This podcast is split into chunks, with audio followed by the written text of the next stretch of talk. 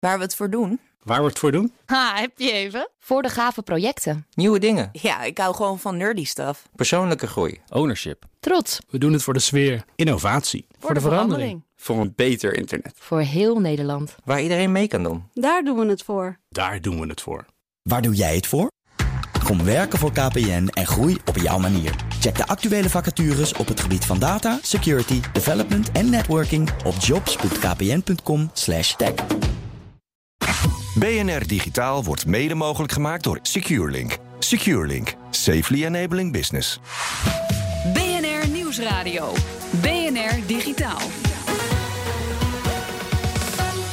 Herbert Blankenstein. Bedrijven die mee zijn op handelsmissie naar China hebben van tevoren dringende adviezen gekregen als het gaat om digitale veiligheid, schrijft de Volkskrant.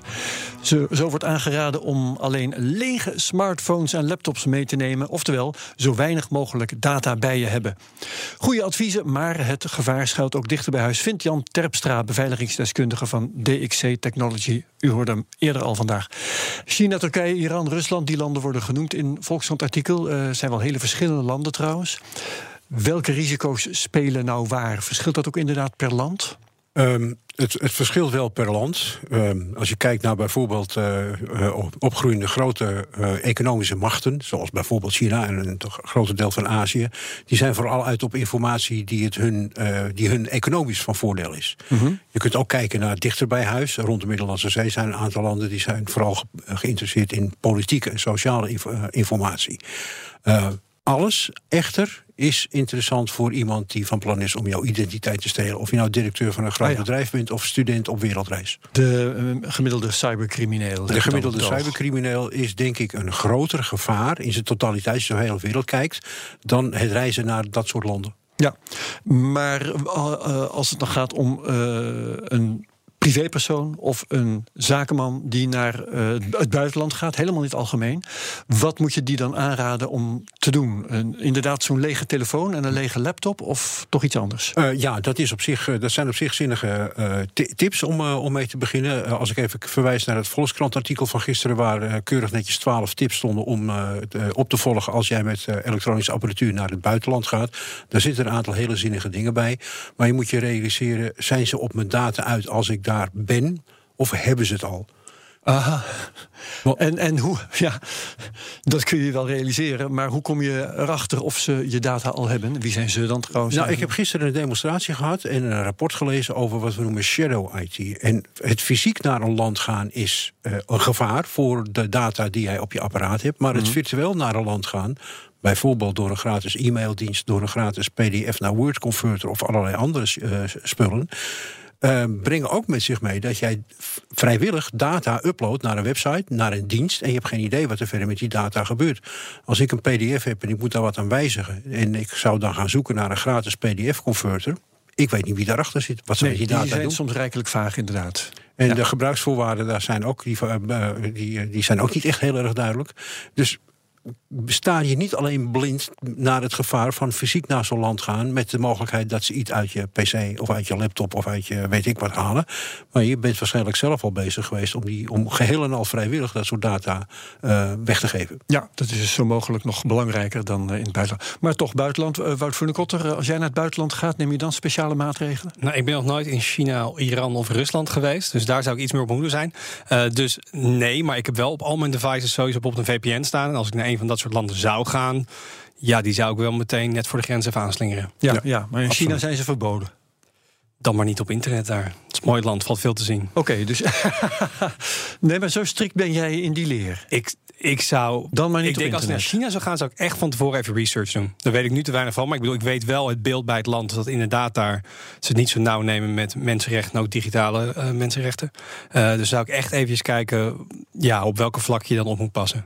Ja, dat is op zich heel verstandig. Alleen het spookbeeld wat nu uh, een beetje begint uh, te vormen dat je met je laptop door de douane loopt en dat die ter plekke wordt leeggetrokken, zelfs als hij uitstaat. Dat is natuurlijk je reinste science fiction. Ja, nou, uh, dat is je reinste science fiction. Behalve bijvoorbeeld een land dat steeds maar niet genoemd wordt, de Verenigde Staten. Daar heeft de douane het recht om van alles en nog wat van jou niet alleen door te lichten, maar ook in beslag te nemen. Ze, en ze hebben zelfs het recht om de wachtwoorden van je social media te, te vragen. Je dus, zelfs invullen tegen geworden bij sommige formulieren als je het land in wil komen. Nou, dan, dan maak je een tweede fake accountje, er zetten wat kattenfilmpjes op en dan geef je daar het wachtwoord van. ja, Klaar. Oké. omheen te werken. Werkt dat? Want, eh, of kijken ze verder dan hun lijst lang is? Ik weet het niet. Ik- ik denk dat het voornamelijk heel veel papieren tijgers is. Eh, het sleepnet in de Verenigde Staten is wel wat uitgebreider dan het sleepnet wat wij nu binnenkort in Nederland krijgen.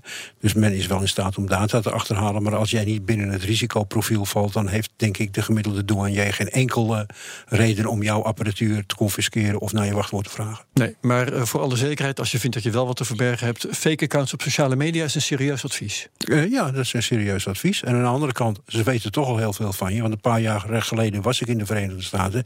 En toen wisten ze precies dat ik in juni 1984 via Checkpoint Charlie naar Oost-Duitsland was gegaan en weer teruggekomen. Exact tot op de minuut wanneer het was. Oh la la. Dus, en ze vroeg ook wat ik daar gedaan had. Ze vroegen ook nog wat je daar... Ja. Wist je dat zelf eigenlijk nog En dat is, dat is ver voor Facebook, ver, eh, veel voor digitale eh, dataverzameling.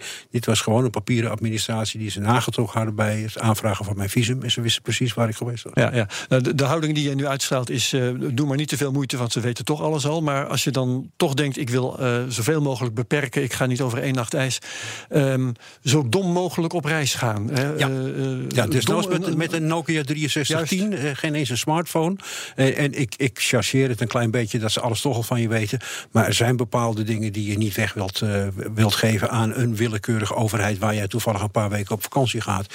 Ik vind dat ook wat overdreven dat dat nu gebeurt. Aan de andere kant, het schijnt dat we een stukje privacy moeten opgeven ten koste, hè, ten koste van privacy om, om meer veiligheid te krijgen. Ja.